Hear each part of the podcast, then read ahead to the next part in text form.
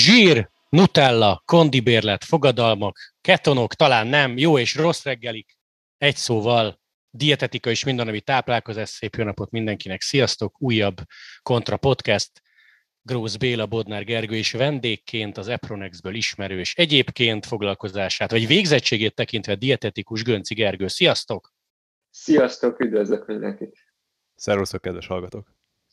Végre kiderül, hogy Grósz úr a testmozgásai előtt mit csinál rosszul reggeli közben. Vaj szint, vaj szint. Nem, ez a mai adás valószínűleg azért jött létre, mert ki tudom élni az összes gyermekkori traumámat, ugyanis nem lenne szép, nem polkorrekt azt mondani, de nagyon csúnya kis, de kövér kislány volt, amikor tínédzser koromat éltem, és ebből a komplexusokat még ma is hordozom magammal. Úgyhogy igazából ez egy önsegítő adás én érdekemben. Minden hallgatótól elnézést kérek ezúttal. Jó, oké, akkor ha nem is a reggelik voltak rosszak, és Geri, talán kezdjünk ezzel, illetve talán inkább egy rövid bemutatkozás, mert téged szerintem az Epronexből a hallgatók nagy része ismer, de te most már egy ideje végzett dietetikus vagy, nem? Igen, igen, most már mikor másfél éve elvégeztem ezt az egyetemi alapképzést, meg mellé tanultam még sporttáplálkozást elég sokat. Azt mondjuk nem papírkedvéért, az tényleg az, az volt a fő irányvonalam, nekem az a szívem csücske, sporttáplálkozás, de ettől függetlenül persze hát a végzettségemből kifolyólag is elsősorban klinikai dietetikus vagyok, és szoktam is hangsúlyozni, meg, meg hát nekem eleve az adja az alapot. Mm, sporttáplálkozásnak nagy részét adja egyébként a szakirodalomból, visszatök tükröződik, hogy a sporttáplálkozás nagy részt összehasonlítható a klinikai táplálkozással, annak bizonyos aspektusait át lehet és kell is emelni egyes esetekben, de persze megvannak a saját különlegességei a sportdietetikának. De miért hangsúlyozott, hogy te klinikai dietetikus vagy, hiszen azért, hogyha felmegyek Instagramra, Facebookra, akkor gyakorlatilag boldog-boldogtalantól meghallgathatom, hogy mi a tökéletes étrend, és hogy mire kell figyelnem a tökéletes étrend az azért nagyon sok esetben torzul, attól függően, hogy ki honnan tájékozódik. Valaki ugyanazt a bullshit tovább tudja adni a másiknak, az meg megint tovább tudja adni. Eközben még torzulnak is információk. Nem, so, nem is ritka esetben egyébként az élelmiszeripar, vagy az étrendkiegészítő gyártó, azok, azonnak is megvan ugye a maga ipara, egy külön iparág, maga 6 milliárd dollárjával, szeretik befolyásolni a közvéleményt, mégis akkor mi az egészséges táplálkozás, mi voltja. Úgyhogy ezért én, mivel azt mondom magamról, hogy klinikai dietetikus vagyok, meg van is, hát erről már van diplomám, ezért ez szerintem azért kiemelendő, mert szaklapokból tájékozódom, lehetőleg tényleg olyan fórumokról, ahol tudományos kutatásokat publikálnak, ha nem is mindig a legfrissebb kutatásokból tájékozódom, mert azért sok esetben, főleg, hogyha nagy példányszámot gyűjtenek össze kutatásokból, egy metaanalízis, egy szisztematikus review, akkor az, az nagyon sok évre visszamenőleg, legalább egy tíz évre visszamenőleg tekinti át a szakirodalmat, ebből kifolyólag nem is mindig teljesen up to date, de hogy nagy átlagokat le tudjunk vonni, ahhoz muszáj így visszamenőleg. Amelyik karon te végeztél, vagy amelyik egyetemen te végeztél, ott ezt a szakot nagyon sokan választották? Tehát egyre többen vagytok? Vagy most nyilván nem voltál ott tíz évvel ezelőtt, hogy akkor hányan végeztek, de hogy népszerű szak ez manapság? Népszerűbb lett-e az szinte bizonyos, igen. Mármint, hogy amikor indították ezt a szakot, akkor durván olyan 20 fő jelentkezett ide, és annyian is végezték el körülbelül. Most már inkább úgy 80-90 főt vesznek föl talán erre a szakra, és akkor ebből elvégzik olyan 40-en körülbelül a mi évfolyamunk szerintem olyan, olyan 50%-os sikerrel távol tudta elvégezni. Hát azért igen, kemény is volt az államvizsga, meg az odáig vezető út, volt szelekció ebből kifolyólag. És így bele is ugorjunk így a témának a mélyébe. Már mondtam, hogy nekem azért elég zűrös múltam volt a táplálkozással, de tényleg, tehát úgy képzeljétek, hogy másfél fej alacsonyabb, és mondjuk egy erős 6-7 kilóval több, mint most. Legjobb barátod volt a Nutella? Hát is, meg a kóla, és közben néztem a Batman-t. E, eddig még jó, figyelj, eddig még jó. De szigorúan az Eden Westes batman tehát ahol még a Pau, meg a Ching, meg a Kabum volt az effekt. Csak hogy érezzétek, hogy mind szocializálódtam, és hogy miért én kiváló a humorom. Miért van az, hogy a táplálkozás az egyik legnehezebben áttörhető gát egy változás során. Tehát, hogyha azt mondjuk, hogy elmegyünk edzeni, akkor az szerintem többé-kevésbé sikeresen abszolválható. A táplálkozás az, ami be azt látszik, hogy valaki, hogy megpróbálja valaki, de hogy mindig-mindig visszatérje régi szokásokhoz, meg hibákhoz, vagy problémákhoz, és hogy akár ilyen megfeszül, ez nagyon nehéz levetkőzni. Nem gondolom, hogy rosszul látod, ez leginkább akkor fordul elő, amikor valaki megpróbálja önállóan az életmódváltást, aztán, hogy ezt megpróbálja jól csinálni, elkezd valahol tájékozódni, majd ezek a félretájékoztatások elviszik olyan irányba, ami esetleg egy sikertelen életmódváltáshoz fog vezetni.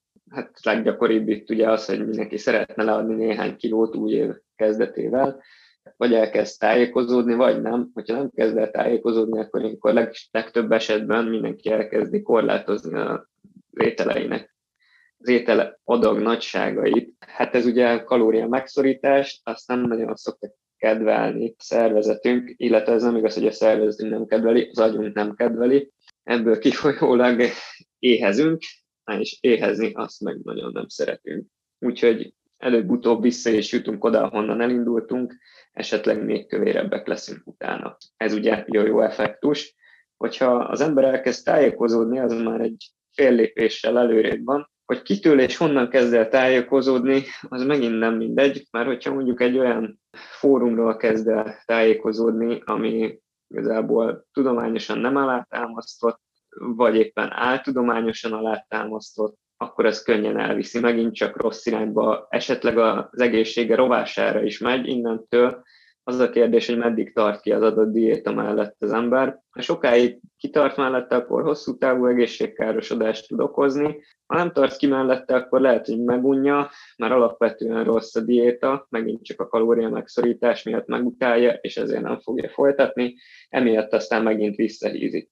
Hogyha esetleg volt ennyire szerencsés, hogy teszem azt 20 kilót lefogyott valaki, akkor utána megint elkezdődik az önáltatás, hogy hát megérdemlem én ezt, mert olyan szépen lefogytam, és megint fölveszi a régi szokásait, ebből kifolyólag megint vissza fog hízni, és lehet, hogy még kövérebb lesz, mint volt. Ezért aztán legfontosabb az, hogy az életmódváltás az, az fenntartható legyen, az egészsége ne legyen káros, lehetőleg súlycsökkentő is legyen, kímélő, biztonságos, eredményes, miket tudok erre még felsorolni, tápanyagokban legyen gazdag, és lehetőleg az élettartamát növelje az embernek, ne pedig megrövidítse. Ha már így belementünk a hibákba, félig meddig aktuális, bár már lassan egy hónapja volt karácsony, ha bármifajta diétát csinálok, két nap zabálással, direkt ezt a szót használom, mondjuk DEC 24-25, tehát két nap evéssel és ivással én el tudok rontani mindent, vagy hogyha kétszer elengedem magam, de teszem azt még karácsony közben is sportolok, mozgok, akkor azért úgy, ahogy belefér. Most ne is profikra, tehát ne valterekre gondoljunk, hanem mondjuk tényleg egy átlag emberre, aki teszem azt eljár futni, vagy ha jó idő, akkor elmegy egy ötvenes tekerni. Igen, úgy gondolom, hogy azért így ünnepek alkalmával ez még belefér, abból nagyon nagy egészségkárosodást ne várjunk, ha csak nem valami tényleg nagyon rettenetes dolgot teszünk. Normál esetben azért nem szoktunk kemikáliákat enni az ünnepi asztalnál, mondjuk alkoholmérgezést, ezt próbáljuk meg elkerülni, de hogyha egyébként normál esetből indulunk ki, akkor két nap és még nem fog katasztrófát okozni. Az a legfontosabb, hogy szokásként ne vegyük föl azt, amit olyankor hát magunkra erőltetünk, idézőjelben, mert azért szabad akaratunkból leszünk olyan rengeteget, még akkor is, hogyha anyukat tukmálja. Ugye így szoktuk is mondani, hogy nem az a probléma, hogy mit teszünk meg a két ünnep között, ugye karácsony és húsvét között, hanem mit teszünk meg a két ünnep között, új év és ja, az előbb véletlenül húsvétet mondtam, tehát karácsony és új év között, hanem az a probléma, hogy mit teszünk meg új év és karácsony között. De akkor csak-csak a szokásokról beszélünk, amik ugye évek alatt belénk kívódnak, és ezt ennyire nehéz átütni? Annak ellenére, hogy van mondjuk egy közepesen erős, vagy félig meddig erős akarat? Hát abban az esetben igen, nagyon rosszul esik változtatni, hogyha a változás maga az kellemetlen. Tehát gondolok itt arra, hogy tényleg a kalóriakorlátozás miatt ez, ez nagyon rosszul tud esni embereknek. Az éhezést ezt senki nem tolerálja, és, vagy hát nagyon rövid ideig, és hosszú távon nem fenntartható. Vagy hát te változtatást akarsz, de végig nagyon rosszat láttál a családban gyerekkorban. Tehát csokit csokival ettünk, nem hmm. volt lényeges a kiegyensúlyozott táplálkozás, alig látták kiskorodba zöldséget az asztalon, gyors éttermekbe jártunk, majd te mondjuk 20 évesen egy változást akarsz, akkor az, hogy mit hoztál, hogy szocializálódtál, az sokat számít? Nagyon is, igen. Nagyon sokat számít, hogy ki mit hoz magával, de hogyha egyébként megvan az akarat a változtatásra, akkor fog is tudni az ember változtatni. Hát ahhoz, hogy valamit így szokásként fölvegyünk, ahhoz egyébként legtöbb kutatás szerint 21 kötőjel 120 napra van szükségünk. Átlagosan az emberek nagy részének olyan 66 nap szükséges ahhoz, hogy valamit szokásává tegyen, és azt tudattalanul gyakorolja. Ez igaz a táplálkozásra is, hogyha 66 napig igyekszünk mellőzni tényleg a, a junk foodot, akkor azt el is fogjuk kerülni előbb-utóbb, és még akár rosszul is fog esni, amikor eszünk. Akkor ez leegyszerűsítve mondjuk két hónap? Hát durván, igen. Odáig ki kell tudni tartani ezek elkerülése mellett. De nem azt jelenti, hogy az éhezést ez két, nap, két hónap után már megtanulnánk tolerálni, erről szó sincs, ezt minden körülmények között utálni fogja az ember. Azért ez egy eléggé vitális paraméter, hogy megesszük-e azt a szükséges mennyiséget minden. Elég gyenge voltam fizikából, Newton törvényeivel is csak annyira vagyok képbe, hogy az energia megmaradás az úgy többé-kevésbé mindenkire érvényes. És ugye azt mondtad, hogy fogyni kalória deficitből lehet, amely már pedig nem jó, de hogy más milyen diéta létezik egyáltalán, mint hogy egy ilyen kellemetlenséggel járó. Tehát, hogy ha kevesebb megy be, akkor kevesebből tudsz gazdálkodni, és akkor így lesz egy deficit, és így fogyok le. Vagy most hogyan ezt érteni? Jó, jó, igen, igen, nagyon jó kérdés, és örülök, hogy ide kiukadtunk. Tehát itt nem az energia mennyisége, tehát energia megmaradás, igen, ez egy lényeges dolog. Ugye, hogyha többet viszünk be, akkor több is fog raktározódni, ha meg kevesebbet, akkor uh, fogyni fogunk.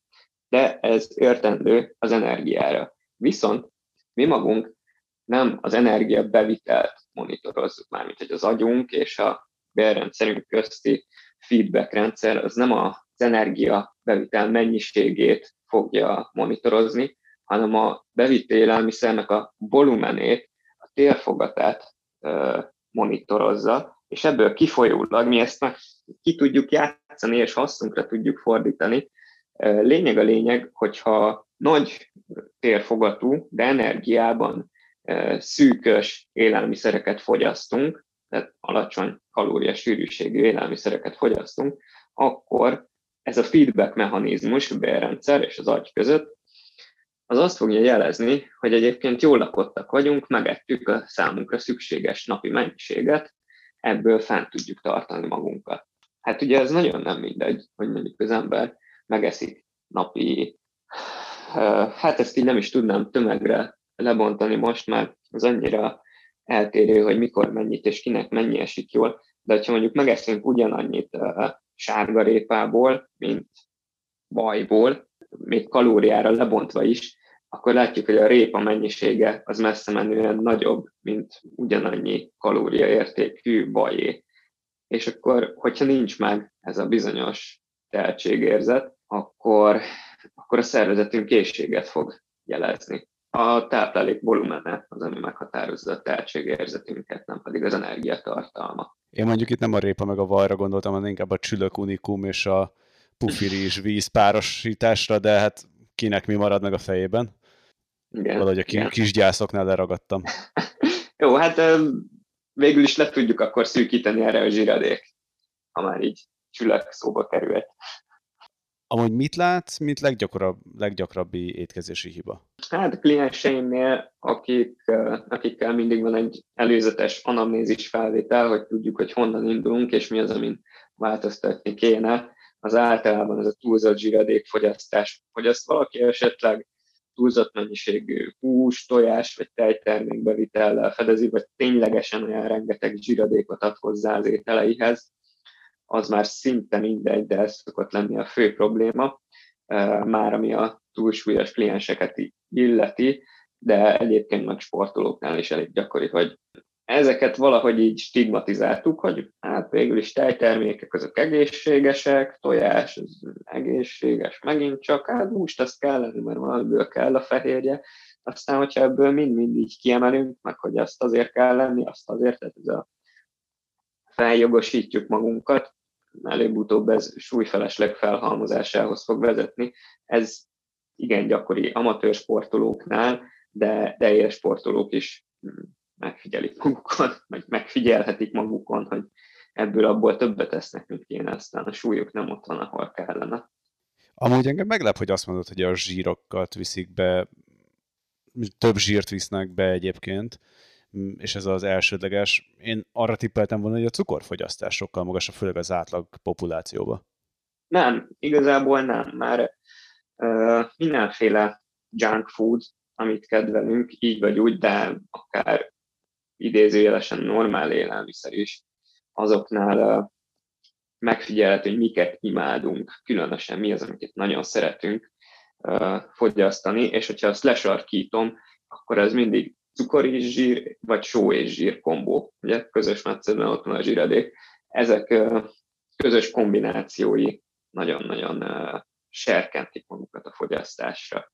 Ezeket a kombinációkat imádja az agyunk, és nem tud vele betelni egy könnyen. És az egyébként vezethet eredményez, de most megint csak amatőr sportolókról beszélek, tehát nekem az a célom, hogy két hónap alatt fogyjak 5 kilót, de közben mozgok, hogy csak egy valamit hagyok el. Tehát azt mondom neked, hogy Geri, én nem eszek cukrot, tehát édesség, cukros üdítő kilőve, viszont bosd a fehér kenyérről meg nem tudok leállni, kész. Így, így vigyél el a célig. Ilyen van? Hát attól függ, hogy uh, honnan indulunk, hogyha egyébként egy túlsúlyos, egy elhízott sportolóról beszélünk, akkor, akkor még ezt lehet. Igen.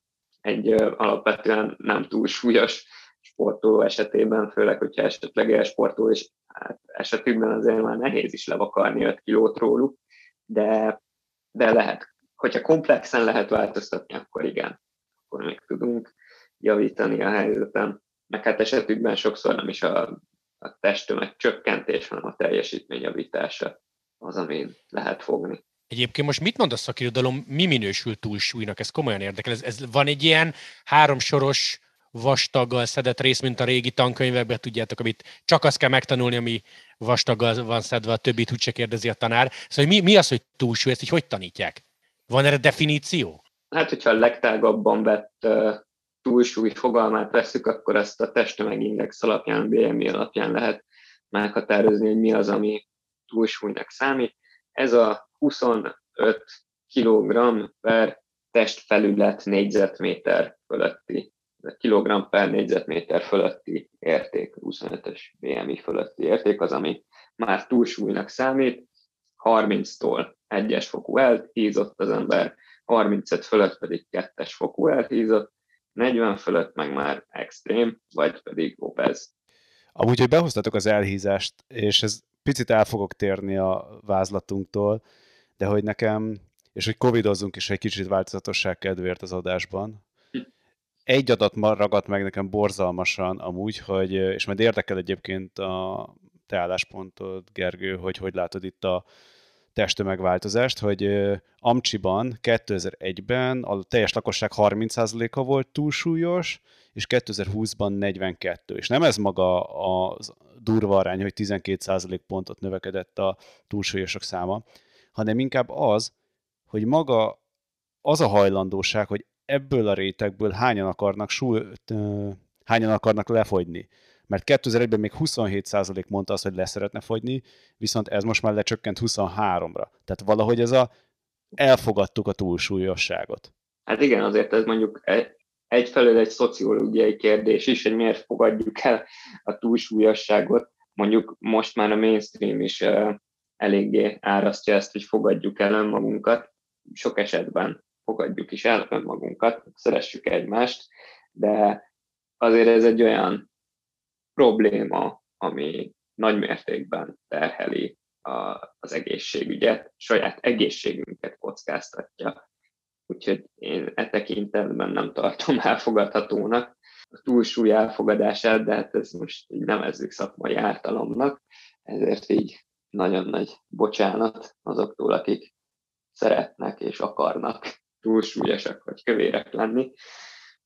De ezt azért kérdezem egyébként, mert hogy hogy látod amúgy, hogy jönnek hozzád mondjuk kliensek, és azt mondják, hogy figyelj, fel szeretnék készülni egy versenyre, úgy megnézed az étkezési naplójukat, ránézel, rájuk nézel, megnézed a testtömegindexeket, és azt mondod, hogy tesó, nem teljesítményről van szó, hanem egészségmegőrzésről, meg egészségmegteremtésről alapvetően. Igen, ezt szoktam is azért mondani, hogy a sikerhez vezető út ez nem, a, nem feltétlenül azon keresztül történik, hogy most valaki kezdjen el úgy táplálkozni, mint egy sportoló, hanem hogy az alapokat tegyük rendbe.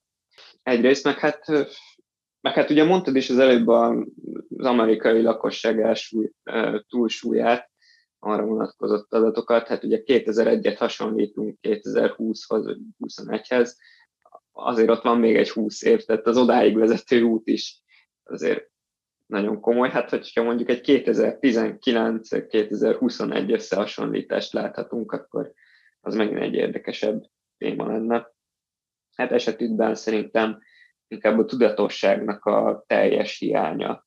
Ugye a táplálkozás az úgy jó megtörténik, leginkább vagy inkább élvezeteknek hódolóan táplálkoznak az emberek, nem pedig az egészségüket próbálják szem előtt tartani, vagy nem is próbálnak ebből egy metszetet kialakítani, hogy amit teszünk, az legyen egyszerre egészséges és finom is. Maradjatok velünk, mert egy rövid reklám után folytatjuk a beszélgetésünket. ti is úgy szoktatok neki indulni minden januárnak, hogy most, most aztán biztosan jobban fogok vigyázni magamra és az egészségemre? Csak azért, hogy aztán azon kap magadat január második hetében, hogy Netflixezés közben nasolgatod az ünnepekről megmaradt Mikulásokat? Ne engedd el a fogadalmaid. Jövő év lesz újra, de egészséget csak egy van. A Decathlon bátorít abba, hogy az elszántság legyen a te szupererőd, mert most van itt a majd jövőre. Nem tudom, mennyire szoktátok figyelni, a boltban azt, hogy az előttetek vagy a mögöttetek álló mit vesz, ha van időtök megfigyelni.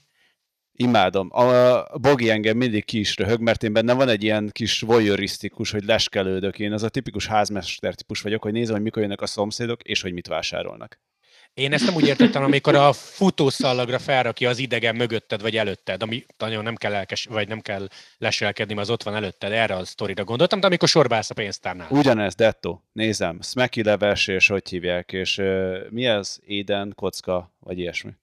Na pont ebből jön a kérdésem, mert az előbb mondtad Gergő az alapokat, hogy én azt gondolnám kívülről a témához egyáltalán nem értve, bolti megfigyelésekre, futószallagos megfigyelésekre alapozva, hogy nagyon nagy gond van mondjuk a kiegyensúlyozott táplálkozással. Egyetlen kiegyensúlyozottan esznek az emberek, vagy, vagy rettentő mélyen vagyunk. Esetleg nem is akkor a lemaradás vagy a szakadék. Hát amikor boltba járunk olyankor, és hogyha nem egyedül teszem, akkor van, hogy szeretek belgát idézni, csak így a szórakozás kedvéért van egy ilyen elvontabb albumuk, még önmaguktól is elvontabb albumuk, a Sorban című számuk, amikor azt mondják, hogy úristen, mennyi szart vettél, és mindenből a legszarabbat, mitől félsz meg, azt hiszed háború lesz. és tényleg hát ez rengetegszer meg lehet figyelni, egy szemétből töménytelen mennyiséget képesek venni az emberek, rengeteg cukros üdítő felvágottal, pékáruval, és nem teljes kérlésűvel mondjuk, de ja, hát azért ez nagyon nagy részben teszi ki az emberek bevásárló kocsijának tartalmát, tehát akkor igazából, ha valaki oda megy hozzád, ezzel kell kezdeni, hogy nem tudom, meséld el egy bevásárlásodat, vagy hogy mit teszel egy héten? És akkor fogod a fejed, hogy van, van benne három gyors étterem, vacsi minimum? Hát igen, azért sokszor fogom a fejemet, főleg, hogyha bizonyos étrendi irányzatot még meg is próbál követni az ember, és ez aztán teljesen balulsül el. Gondolok itt mondjuk, a, ez mindig varázsvitát vált ki, de hogy, de hogy gondolok itt olyanra, mint a ketogén diéta, meg a vegetáriánus diéta, és én nem vagyok egyáltalán a vegetáriánus diéták ellen. Én a koca vegetáriánusokat nem értem nagyon sokszor. Hogy az egészsége érdekében valaki lemond bizonyos élelmiszercsoportokról, amit mondjuk állati eredetű élelmiszerekről, de még növényiből ugyanúgy megtalálja a szemetet, és mellé tud enni, és el tud hízni. Most arra gondolsz, hogy valaki akkor vegetáriánusként kirendeli a rántott gombát sőt krumplival az étterembe? Hát igen, meg hogy emellé még megérdemli a süteményt is, meg a palacsintát, bármi édességet. Ezeken azért úgy képes vagyok magamban megbotránkozni, de hát hála az égnek, aki eljön hozzám, az már változtatni akar, már realizálja, hogy valami nem jó itt mégsem, és akkor tudunk változtatni. De a bevásárlókosrak tartalmát nem pedig az általad mondott tudatosság, vagy inkább így fogalmazok, pseudo tudatosság vezérli? Tehát, hogy azt gondoljuk valamiről, hogy amúgy jó nekünk, mint a Zero Hell, mert ugye az ugye nulla kalóriás, de aztán a végén Szent Péternél elszámolunk, és nem volt olyan jó? Mm, hát nem kell elmenni Szent Péterig, elég a házi orvosig, aztán ott elszámolunk rosszabb eset, vagy hát jobb esetben, nem, nem is tudom, melyik itt a jobb vagy rosszabb eset. Jobb esetben az embernek még nagyon nincsenek egészségügyi problémái, de rosszabb esetben igenis kialakulnak. És hát teszem azt, cukros üdítőket igen gyakran fogyasztanak az emberek, még akkor is, hogyha, vagy hogyha mondjuk édesítőszeres italokat fogyasztunk, annak meg megint ott van az a hátulütője, hogy a, az ugyan magában nem tartalmaz energiát, de a következő étkezés, amit elfogyasztunk, annak magasabb lesz, sokkal magasabb lesz a vércukoremelő hatása, és így módon fog elhízáshoz vezetni. És nem kell, nem kell, hogy egy-két órát várjunk erre, igazából nagyon hosszú ideig tart ez a hatás. Hogyha mondjuk valaki megiszik egy ilyen édesítőszeres, energiamentes üdítőitalt, akkor még 6 órával később elfogyasztott étkezésnek is. Hogyha odáig tényleg koplalt, még a 6 órával később elfogyasztott étkezésnek is magasabb lesz a vércukoremelő hatása, mint hogyha el sem fogyasztotta volna azt az ételt. Most azt hiszitek, hogy kitalálom, de tényleg pont ma hallottam a rádióban, hogy XY program megnyerte az év diétája címet, amiből én azt a következtetést vontam le, egy celeb említette, hogy, hogy ha csak öt évvel ezelőtt is találták ki, akkor már volt öt különböző diéta, ami az év legjobbja volt. Diéta program egészen pontosan. Tehát, hogy most kérdezhetném, hogy miért, vagy ez mi, de megpróbálom egy fokkal intelligensebben feltenni a kérdést. Tehát, hogy hogy, hogy minden évben előjön minimum kettő, ami amúgy, meg ha ránézel valakire, tényleg azt mondod, hogy még lehet, hogy ő le is dobott 5 vagy 10 kilót, vagy sokkal egyszerűbb magyarázatai vannak ennek, mert ha nem zabálsz esténként, akkor már mínusz kilóid vannak. És bocs, még annyival egészíteném ki ezt, hogy amint megjelennek ezek a diéta programok, utána ezt teljesen vallás szinten próbáljuk megvédeni, amiért te is megpróbálod visszatartani magadat, hogy ne lépjél a ketogén diétát, vagy éppen a paleót, vagy éppen a hogy éppen aktuális, Isten tudja, időszakos bőjtösöknek a az arcába. Azért merem ezt mondani, mert én mindegyiket kipróbáltam, és mindegyikkel falnak mentem, de én az önkísérletezésnek nagy híve vagyok amúgy. Hát ja, minden évben előkerül valami év diétája, jobb esetben az csak egy diéta lenne, de több is előkerül, mint az év diétája. És hát, ja, amit mondtam itt korábban is, hát étrendkiegészítő ipar durván, hogyha jól tudom, csak Amerikában egy 6 milliárd dolláros üzletágról beszélünk, Úgyhogy ekkora büdzséből nem könny, hogy nem nehéz előkerülteni olyan embereket, akiknek esetleg bevált ez a diéta, vagy ha nem is vált be, de attól még reklámorcú lehet fogadni őket.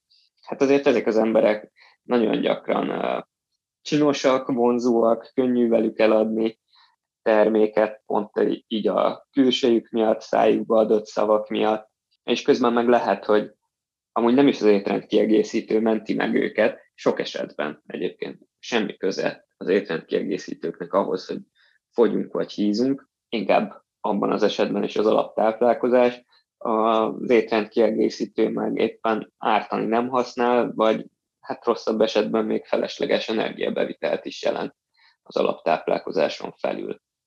De amúgy, ha te ezt elolvasod, ha egyáltalán veszed magad arra, vagy ráveszed magad arra, hogy elolvas ilyen diétáknak alapvetéseit, akkor fogod a fejed, hogy úristen, ez mekkora parasztvakítás, hogy ebbe azért tényleg vannak jó dolgok. Egyébként pedig, hogyha akaraterőd van, akkor meg már lehet, hogy beljebb vagy egy picit. Is is. Egyébként nem. Ezt az utóbbit nem olvastam, hogy ez mire, mire alapul. Egyébként meg sok esetben mind arra alapul, hogy a fehérjéknek van egy akut éjségérzetet elnyomó hatása. Azért mondom, hogy akut, mert a következő étkezésre ez már nem hat ki. Tehát hogyha valami hosszú távon csökkentené valóban az éjségérzetet, akkor az a következő, rákövetkező étkezésnek a te energia mennyiségét, de akár de inkább a volumenét is csökkenti, nem pedig az adott étkezésen belül elnyomja az éjségérzetet, és akkor halleluja, kevesebbet ettünk. Még a következő étkezésnél is kevesebbet fogunk enni. Ezt felfedezték egyébként néhányan, ezért adagolnak rostokat is, a mondjuk élelmi rostokat adagolnak az adott termékükhöz, ami nagyon jó, csak hát ez még mindig, mindig az a probléma ezekkel, hogy túl drágák. Tehát ki a franc akar étkezésenként 50 dollárt költeni egy műételre, amikor mondjuk meg, megoldhatná az adott étkezését 1000 forintból is. Tehát mondjuk 15 ezer versus 1000 forint, és akkor műétel, vagy inkább igazi étel, és általában mindig az igazi étel kerül ki győztesként, hogyha ezeket megpróbálják versenyeztetni. Csak hát lássuk be, mondjuk a Brokkoli Csíre Termesztő Szövetség egy sokkal kisebb iparág, sokkal kisebb tőkével bírnak, mint, mint úgy összességében a, az étrend kiegészítő ipar. Itt ragadnám meg az alkalmat, hogy a Brokkoli Csíra Termesztő Szövetsége nevében sokkal több média megjelenést követeljek nekik. igen, ennyi. igen, és bármilyen zöldségtermesztő szövetségnél is ugyanezt, legyenek szívesek. Hogy itt a fehérjét szóba hoztad, az én alapbiológiai ismereteim rosszul csalnak arra, hogyha viszont túlzásra visszük a fehérjét, és ezért sok diéta meg rámegy erre a zéró szénhidrát, csak fehérje, akkor viszont hátrafelé is tud elsülni, és hogy igazából nem segíti a fogyást. Na igen, hát ezek a zéró cukor, meg nagyon alacsony szénhidrát tartalmú diéták, de magas fehérje beütel mellett, azok valahogy ezt a biológiai csodát elhallgatják, hogy amúgy a májunk képes ám átalakítani a fehérjéket cukorra, már pedig nekünk nagyon sok szervünknek kiemelném itt mondjuk az agy, a retina és a vese sejtjeit, a glükóz az elsődleges és kizárólagos táplálékuk hogyha kisiklik az anyagcsere, akkor persze lehet beszélni ketózisról is, de hát az megint megér egy misét, hogy milyen káros hatásai vannak. Szóval ezeknek a szerveknek a glükóz az elsődleges és kizárólagos tápanyagforrásuk. Úgyhogy ha túlzott mennyiségű fehérjét viszünk be, akkor annak egy jó részéből cukor fog képződni, ergo megint, hogyha túlzásba visszük, akkor el tudunk hízni tőle, ezen felül pedig hát még számos kellemetlen hatása. Ugye egyrészt drágábbat fogunk viselni, mert a vese kiszűri egy részét, csak hogy a vese, hát erre van egy kapacitása, hogy mennyit képes kiszűrni, hogyha meg valamit nem tud kiszűrni, akkor ez egy idő után toxikussá válik a vérünkben. Másrészt meg, hogyha fehérjéknek, fehérjéket kell kipisilnünk, hát azok viszonylag nagy molekulák. Hogyha ezeket a viszonylag nagy molekulákat megpróbáljuk a viszonylag kicsi szűrőn átpésálni, akkor el tudjuk képzelni, hogy ez így lyukat üt rajta, a lyukakat. Emiatt aztán hosszú távon ez vese károsodáshoz fog nálunk vezetni. Másrészt, ha meg megmarad a vérünkben, akkor abból tud képződni húgysav, ami kicsapódik az izületeinkben, ott ha ez még gyulladást is képez, akkor beszélünk köszvényről. Másik része, az pedig az ammónia, ami képződhet belőle, ha már most az meg képes átjutni a véregygáton is, ami hát elég nagy probléma, mert erősen idegsejt pusztító hatása van, de ez most csak a véregygátra vonatkozott, tehát hogyha ott átjut, akkor ez agykárosodást tud okozni, de hát másik, de azért még nagyon sok más helyen is előfordulnak idegek a szervezetünkben, így aztán ott is képes károsodást okozni. Szóval semmiképpen nem jó, hogyha túlzásba visszük a fehérjefogyasztást. Meg, meg aztán ott van még az is, hogy egyébként a kálcium cserénket megborítja, emiatt felborul a vérünkben a kálcium-foszfor arány, arról nem beszélve, hogy a csontosodást károsítja, ezért aztán csontritkulás alakulhat ki miatta, társítanak még hozzá inzulinrezisztenciát, más nem kettes típusú cukorbetegséget is. És mindezt úgy, hogy gyakorlatilag azért csinálod, hogy csökkentsd a szénhidrát bevitelet, és elvileg ugye egészségesebb legyen. Hát igen. Ja, és hát akkor még ott van az is, hogy amúgy a bizonyos fehérje típusok megemelik a bizonyos IGF-1-es nevű hormonnak a szintjét, ami meg hát elég erősen daganatképző hatással bír. Csomót beszélünk arról, hogy diéta vagy fogyás közben mit eszünk, de mennyit iszunk? Iszunk egyáltalán eleget? Mindig halljuk 40 fokban nyáron, hogy hány liter kéne, hogy legyen a napi bevitel. Ez télen sokkal kevesebb, egyetem télen is oda kell annyit figyelni rá. És simán a vízre gondolok.